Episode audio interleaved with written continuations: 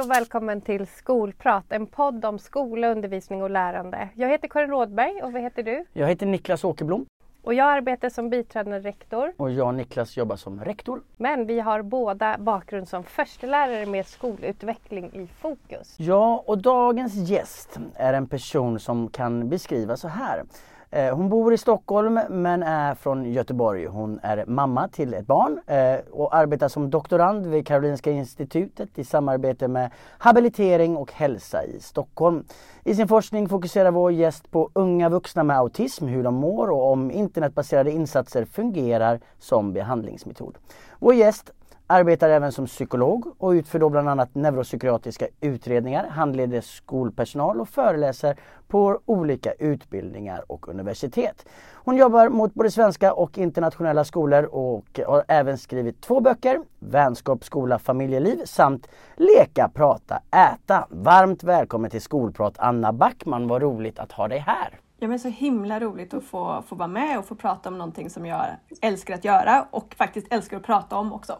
Härligt! Känner du igen dig i vår eh, presentation av dig? Tycker du att något ska adderas? Um, nej, det är en väldigt eh, fin presentation, fullödig. Och, eh, men jag kanske ska säga att jag har inte skrivit de här böckerna i helhet utan jag är en av medförfattarna i båda böckerna. Och den senaste är då Vänskapsskola, familjeliv för föräldrar eh, till barn med autism är fokuset där. Mm. Mycket stolt över de böckerna. Det förstår vi. Det finns ju så himla många saker vi skulle vilja prata med dig om. Eh, men idag så kommer vårt samtal fokusera på hur en NPF-utredning går till och hur skola, vårdnadshavare och psykologer kan samverka kring barn och unga med NPF. Men innan vi kommer in på det så vore det bra om du kan förklara för våra lyssnare vad NPF är, vad det beror på och vilka utmaningar personer med NPF kan ha. Det är en ganska stor fråga att börja med. Den är väldigt stor.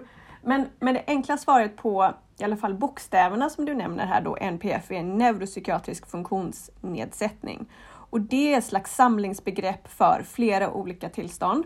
Det är ADHD, är eh, de flesta, är största gruppen. Och sen har vi också de med autism.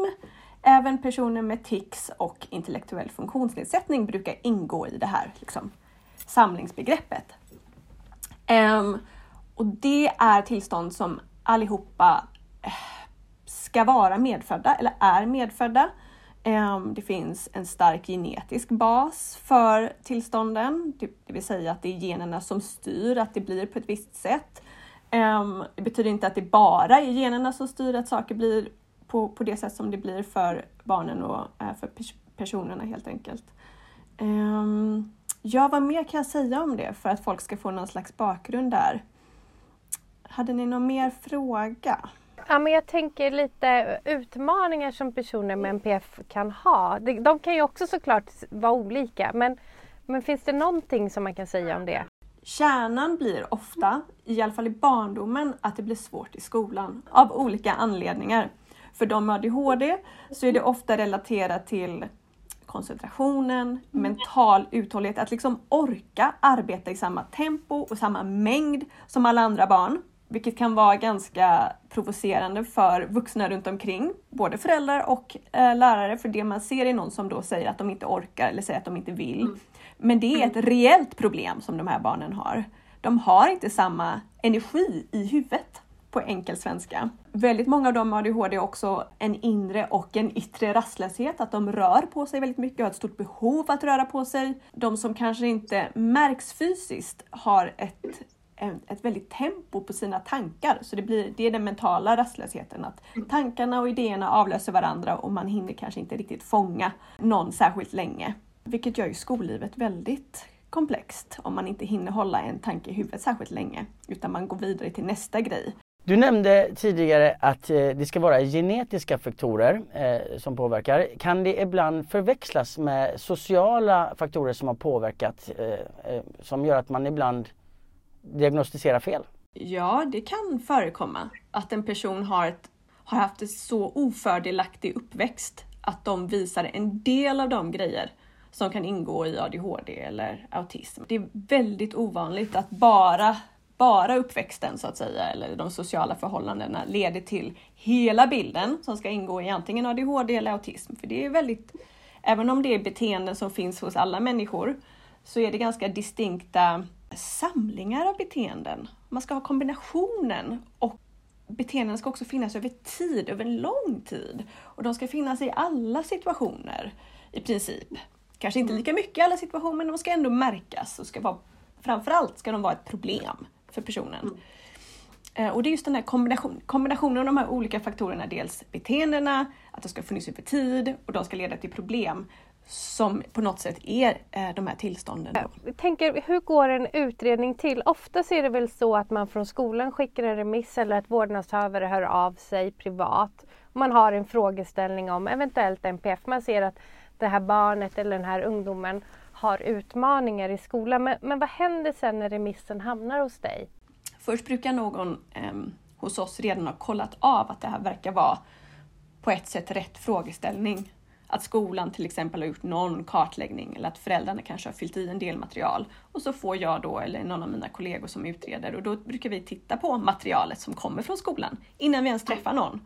Så mm. granskar vi, finns det tecken på det här? Vilka hypoteser, alltså vilka frågor kan jag redan börja jobba med? Och sen så träffar vi föräldrarna och så träffar vi barnen man jobbar lite olika runt om i Sverige, ehm, men psykologen brukar ju träffa föräldrarna i alla fall kanske två timmar för att intervjua. Och sen intervjuar man lärare och så intervjuar man barnet och så gör vi massa andra grejer med barnen också. Vi testar dem och kollar hur de tänker, hur de förstår saker, hur de minns saker och ting, hur de beter sig med oss. Hur de mm. klarar av att sitta med oss i flera timmar till exempel. Hur går det? Eh, hur reagerar de på att saker blir svåra eller jobbiga eller irriterande? Allt sånt är väldigt intressant information för oss som utreder.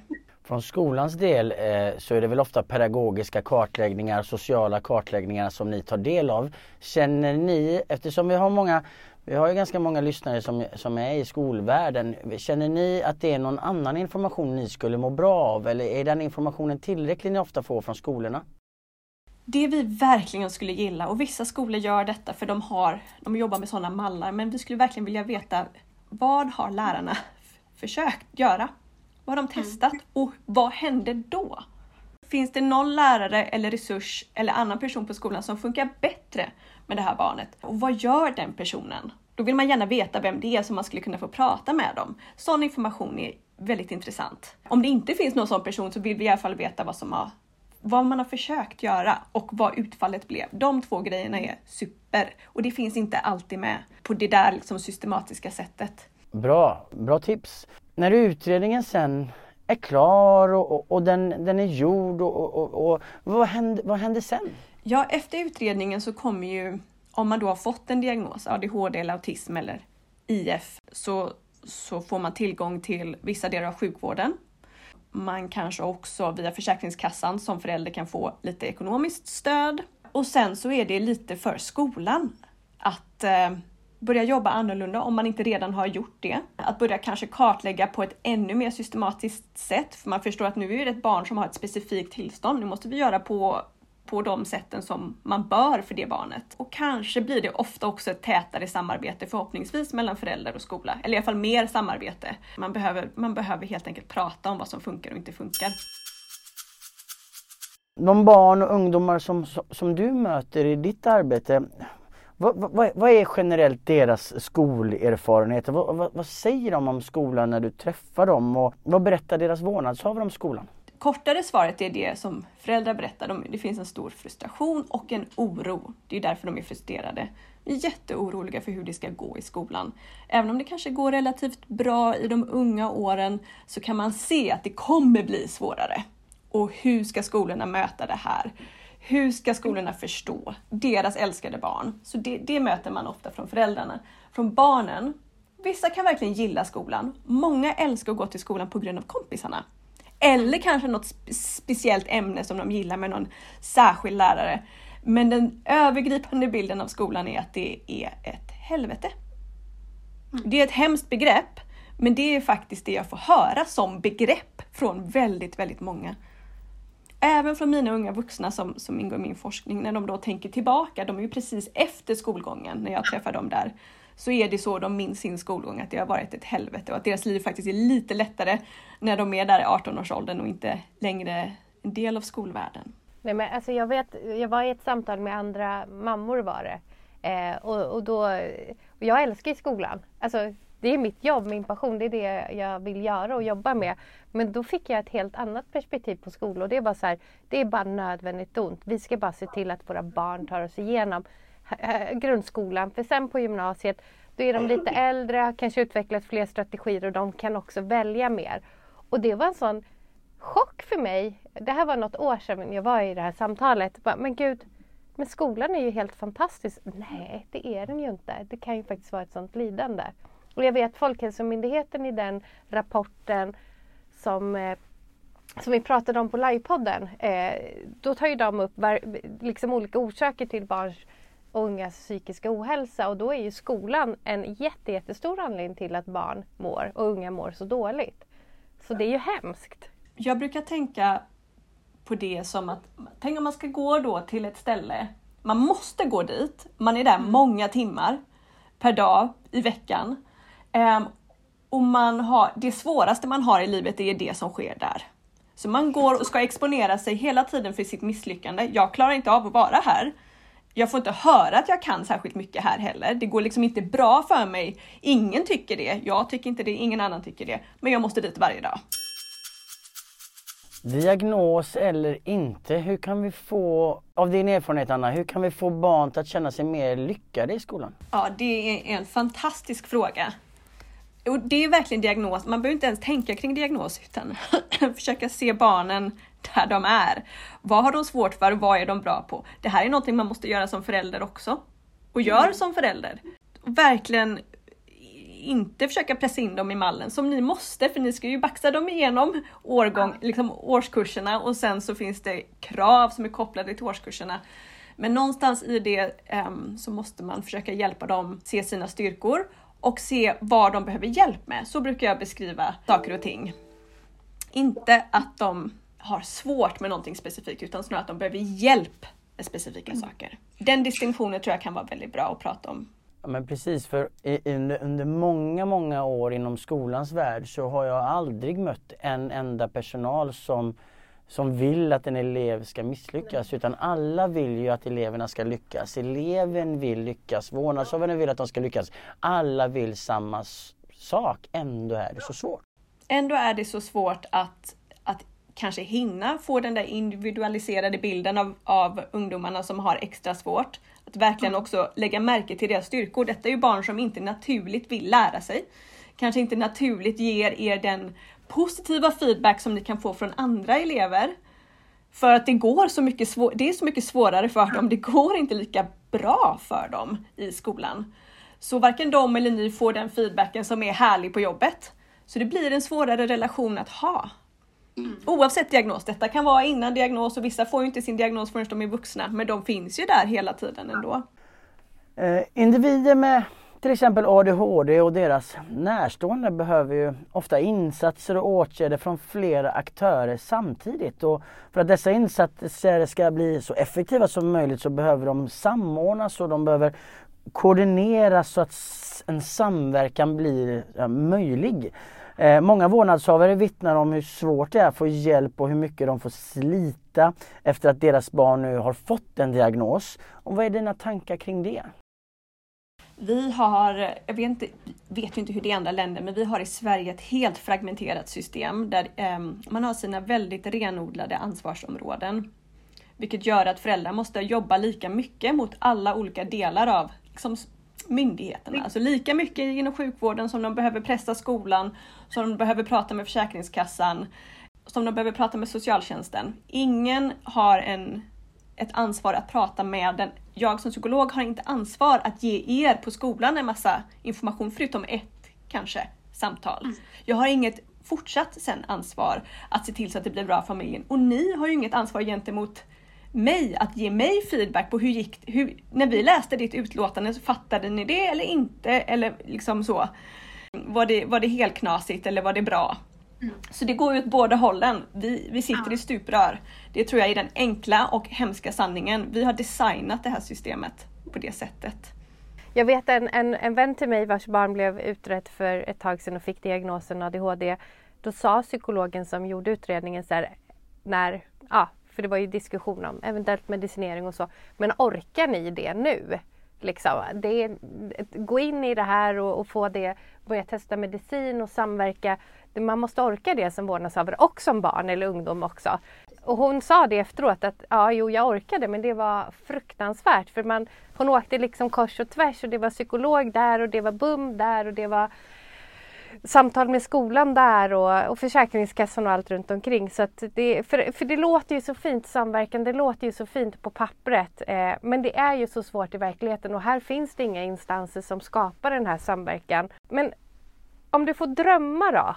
Hur skulle det kunna, hur skulle det kunna se ut istället? Om du får drömma lite fritt. Just att sätta samverkan mellan de här oroliga och oftast upprörda föräldrarna omotiverade och deppiga eleverna, rådlösa lärare och kloka psykologer som sitter på sitt rum. Liksom, hur skulle man kunna få till det? Någonstans så måste det få finnas en person, alltså en professionell, eh, antingen i skolans värld eller inom socialtjänsten eller inom sjukvården som har ett ansvar att se till så att alla olika kontakter sköts som, visst att föräldern kanske fortfarande måste sköta det, men det finns en person som kollar av och hjälper till om det behövs. Som kanske håller koll på vart du ska ringa det här mötet. Det behövs en samordnande människa som kan tillhöra någon av ställena. Och det kan nog kanske bero lite grann på var, det är inte alla barn som medicinerar till exempel. Då kanske det, då kanske det blir en person på skolan, skolkuratorn kanske behöver ha till exempel. Men är det, finns det medicinsk behandling involverad, men då kanske det ska vara någon inom BUP eller BUM som är den där personen. Kan det vara igen en kurator eller, eller en psykolog. Eller en sjuksköterska för den delen. Men någon behöver ha koll på vilka andra kontakter också ska ske. Mm. Eh, det är eh, ett enormt, precis som du säger, ett enormt arbete, en enorm stress. Och enligt forskningen så är det faktiskt oftast kvinnor, mammorna, som gör det här. Det, det är ganska tydligt i forskningen att det, det, är mammor som, som står för det här jobbet. Men jag tänker så här, min pappa börjar bli till åren och vi hade ett SIP-möte kring honom. Nu hänger jag ut stackars pappa här, men han lyssnar inte på podden. Han, eh, men just så här att då ordnades det ett SIP-möte med alla behandlande personer och jag var med som vårdnadshavare och vi hade ett samlat möte. Och det gick jättefort. Jag behövde inte stå och skrika om det utan det var någon rutin som de hade i kommunen. Och, och det tänker jag så här, vi har ju SIP-möten i skolan också men då har det gått ganska långt. Kan man inte ha förebyggande SIP-möten? Nu vet vi det här, hur ska vi fixa det här liksom? Och att alla har en skyldighet att komma på de mötena. Ja. Vilket de har, men inte alltid alla enheter kommer. Men när du pratar om den här, den här funktionen som, som, som hjälp, hjälper föräldrar i det här, som ska hålla, hålla samman alla olika trådar. Eh, det kunde vara en skolkurator, det kunde vara någon på BUM eller BUP och så det, det, det, låter, det, låter så, det låter så rimligt ja. och det låter som, så självklart. Var, varför är det så svårt att få till? När jag började jobba med det här för drygt tio år sedan, lite mer, så fanns det för, för unga vuxna och vuxna en sån person. Och boendestödjare inom socialtjänsten har ibland den funktionen, eller har haft. Så det, ja. de finns, det finns och det har funnits och sen så, ja vad kan vi spekulera kring varför det inte blir? Jag tror ansvarsfördelningen är otydlig fortfarande. Vem äger det här problemet? Vem är det som som be, blir mest berörd, det är ju föräldrarna, som blir mest, eller patienten, barnet. Så det behövs, det behövs någonting där i ansvarsfördelningen, i mottagandet, vilket händer i SIP-möten. Om man kommer till den punkten så, så blir det så här, ni på skolan, nu, nu har ni en liten lista här, vi på socialtjänsten har en annan liten lista. Vem följer upp det här? Då är det den som har kallat till SIP-mötet som har det ansvaret. Så det finns faktiskt redan på ett sätt inbyggt i systemet att, att göra på det här viset. Men oftast när det har gått väldigt långt som du säger. Eller min erfarenhet är att det har gått ganska långt. Barnet eller ungdomen har liksom låtits misslyckats eh, när man väl tar ett SIP-möte också. Och det är ju det så här, hur kan vi få de här barnen, ungdomarna att lyckas, att vi kan jobba på ett annat sätt. Ja, vi kommer inte lösa den frågan här men en kärnfråga. Ja, hur, hur kan vi få barnen att eh, eh, lyckas mer i skolan ja. och ingen ska behöva, behöva misslyckas för att få hjälp och stöd? Och de här mammorna som sliter, hur ska vi få dem liksom att slita lite mindre och slappa lite mer? Hur kan vi få papporna till att ställa upp? Eller hur? Vi har nu kommit till programpunkten som heter Niklas nitiska blick eller Karins kritiska kommentar. Och idag är det min tur att få titta lite nitiskt på det här.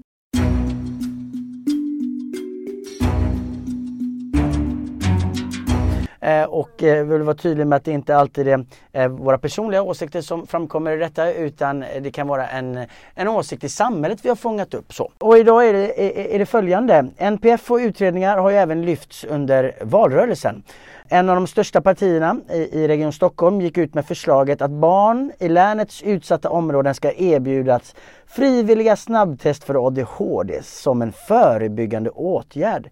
Syftet med förslaget är enligt dem att tidigt fånga upp barn med ADHD och därefter erbjuda rätt stöd i skolan liksom frivillig, eh, frivillig behandling. Och vad tänker du om det? Och vore det inte bra om vi snabbtestar alla barn och unga tidigt så att de får rätt stöd och behandling? Är inte det att jobba förebyggande? Korta svaret nej. Och det, den där, ehm, det där utspelet, om man får säga så, har kommenterats av flera av mina chefer faktiskt, Sven Belte och Tatja Hirvikoski i media.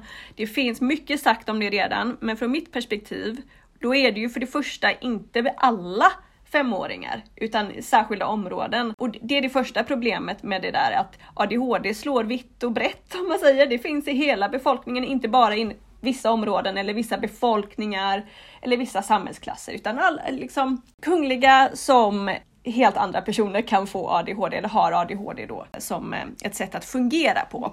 Sen är det så när man är fem år så har, håller hjärnan fortfarande på att utvecklas väldigt mycket. Så andelen femåringar som kan få en tillförlitlig eh, ADHD-diagnos är även med ett långt förfarande in, liksom lite, lite mer komplext än när man är äldre och går i skolan, behöver koncentrera sig och göra en massa komplexa saker. Sen att snabbtesta är generellt också oreliabelt, alltså det funkar inte. Man kommer få väldigt många felsvar åt båda hållen. Så säg att man har fått då ett falskt negativt svar, alltså man har egentligen ADHD, men i det här snabbtestet så sa de nej, du har inte ADHD på grund av hur de som skattade svarade just då. Då kommer man ju kanske gå igenom livet och missa en massa insatser för att man som femåring fick det här snabba svaret. Helt tokigt. Och såklart lika tokigt åt andra hållet, att man får ett falskt positivt svar och får en massa insatser och saker och en, en bild av sig själv som man inte passar in i. Tokigt. Vi har ju varit inne på tidigare avsnittet att eh, inget barn ska behöva misslyckas för att få hjälp och så vidare. Istället för det här förslaget, hur kan man arbeta förebyggande? Hur kan man fånga upp det här tidigare? Jag märker så himla tydligt när jag pratar med både skolor och förskolor att de som lyckas med barnen, även innan utredning och diagnos, är de som har dels attityden att alla barn försöker lyckas. Ingen vill medvetet misslyckas med sitt liv och att gå i skolan eller förskolan är ju faktiskt livet för barnen. Så att ha den attityden eh, gör ganska mycket bara där och den attityden är ofta kopplad till en ganska god kunskap om hur barn utvecklas och fungerar. Så för mig är kärnan kunskap hos personalen. Och kan man identifiera pedagoger som redan finns ute i verksamheter, om vi tänker eh, i Stockholm finns ju väldigt mycket formell kunskap också, men resten av landet så kanske det ser lite annorlunda ut. Men det finns kanske personer som då intuitivt förstår och, och gör på ett sätt som funkar för alla barn. Då kanske den personen kan vara en kunskapsbärare i den organisationen. Jag tror sådana saker är ganska viktiga. Sen så är ju drömmen också formell utbildning och kurser och allt det, men det är inte alltid möjligt. Så man får ibland ta lite det som, som, som finns resursmässigt. Och det, jag tycker att det alltid finns någon på skolan som verkar kunna trixa mm. och knixa med barnen på ett sätt som funkar för jättemånga barn. Och särskilt för våra barn då, att de kanske tyr sig till de där personerna. Och det vet de flesta också vilka som, ja men hon klarar alltid av, eller han klarar alltid av. Pelle och Stina. Och... Men så är det ju verkligen. Ja, och, och det, det, det, är, man, man, kan ju i unika fall liksom se vad det är de personerna gör och, och, hur det tar sig uttryck. Men på olika skolor så är det olika saker man gör. Så det finns ju heller inget riktigt facit utan det handlar väl snarare kanske om att se barnet där den är och eh, utforma en undervisning och ett bemötande utifrån det. Vi behöver hela tiden prata om det här med lärarna. Det, det är inte alla som får i sin lärarutbildning än idag. Man kanske har, har någon kurs men oftast är det väldigt sådär avskalat. Det, det, det, man, alla vill ju lyckas med de här eleverna. Så är det ju verkligen. Ja men intressant. Vi ska börja avsluta. Vi brukar alltid avsluta våra poddar med att vår gäst får ge tre tips till lyssnarna eller tre råd utifrån just vad vi har pratat om. Så Anna, vilka tre tips relaterade till samverkan mellan skola, vårdnadshavare och psykologer kan du ge? Om jag börjar med kanske det, det lite mer administrativa och, och tråkiga tipset så är det faktiskt att man måste ha regelbundna möten. Man måste sätta sig ner och prata om saker tillsammans. Utan det så blir det svårt att ha en samverkan. Om man inte faktiskt sätter sig ner och pratar om saker. Alla får beskriva det från, från sitt håll. Jag menar inte SIP-möten. Eh, det kan vara mycket mer informellt än så. Men regelbundenheten i feedbacken, det är någonting som väldigt många föräldrar efterfrågar också. Jag, visste inte att han skulle ha det där matteprovet. Eller varför berättar ni först nu att han bråkade med så? Ja. Det, det hör jag jätteofta, också på SIP-möten. att Okej, okay, mm. det där är någonting man får styra upp. Men en, en grej som jag tror jag vill dela med er är också för, kanske mest för, för pedagoger, för detta är någonting som föräldrar får höra. Det är relationsbyggandet genom att ha fina stunder med barnet som inte är kravfyllda och det är någonting som alla behöver ägna sig åt. Psykologen har sällan en särskilt långvarig kontakt med barnet, men föräldrarna och pedagogerna har ju det. Och för att få eh, relationen att funka till barnet så kommer också relationen mellan pedagog och föräldrar funka mycket, mycket bättre. Och barnet kommer må bättre i hemmet dessutom. Så den här strategin är någonting som vi lär ut till föräldrar och den heter Barnets stund. Och då ska man prata eller ägna sig åt någonting som barnet gillar att göra utan att ställa frågor om varför gör du så eller varför gör du si, utan kommentera beskrivande. Jaha, det var en blå bil. Snyggt, jag gillar blått. Och den kör framåt. Inte så här, nej men bilar kan inte ha fyrkantiga hjul. Eller, man ska, nu pratar jag om väldigt små barn, men detta är någonting man kan göra såklart med tonåringar. Relationsbyggandet genom att bara ha en en liten stund någon gång i veckan kommer göra magi. Det är vår magiska strategi. Och den sista, den tredje, är ändå tillbaka till det vi pratade om alldeles nyss, kunskapen. Måste se till så att det finns någon kunskapsbärare på, på skolorna som kan förmedla vidare. Vad är ADHD utifrån ett skolperspektiv? Vad är autism utifrån ett skolperspektiv? Hur, hur drabbar det oss? Hur drabbar det barnen? Um, utan det så kommer man liksom ingenstans om man inte vet vad det här är och inte känner till fallgroparna som pedagog um, med de här barnen så, så tror jag inte man kommer jättelångt. Och kanske sitter det pedagoger, skolledare, annan skolpersonal som lyssnar på detta nu och tänker jag vill öka min kunskap inom området. Vad är din rekommendation att man då vänder sig? Är det mot någon litteratur eller mot några, några andra utbildningsforum? Det finns fin litteratur såklart. Till exempel våra böcker. För då är det barn med autism vi fokuserar på där. Det finns liknande böcker för ADHD. Det finns på UR, gratis, hur många föreläsningar som helst faktiskt. Det finns NPF-poddar om man inte orkar läsa, vilket inte alla har tid till, utan man, man tar sig till jobbet så kan man lyssna sig till kunskapen. Men sen igen, skolpsykologen. Alla skolor ska ju på något sätt ha tillgång till någon skolpsykolog här och där. Och även om det inte är kontinuerligt eh, veckovis så kanske man kan hyra in dem någon gång per termin för ett litet kunskapshöjande. Ja men jättebra. Vi skulle ju kunna lägga lite länkar till NPF-poddar och lite annat till avsnittet så blir det liksom lättare för den som blir nyfiken och vill lära sig mer att bara klicka sig vidare.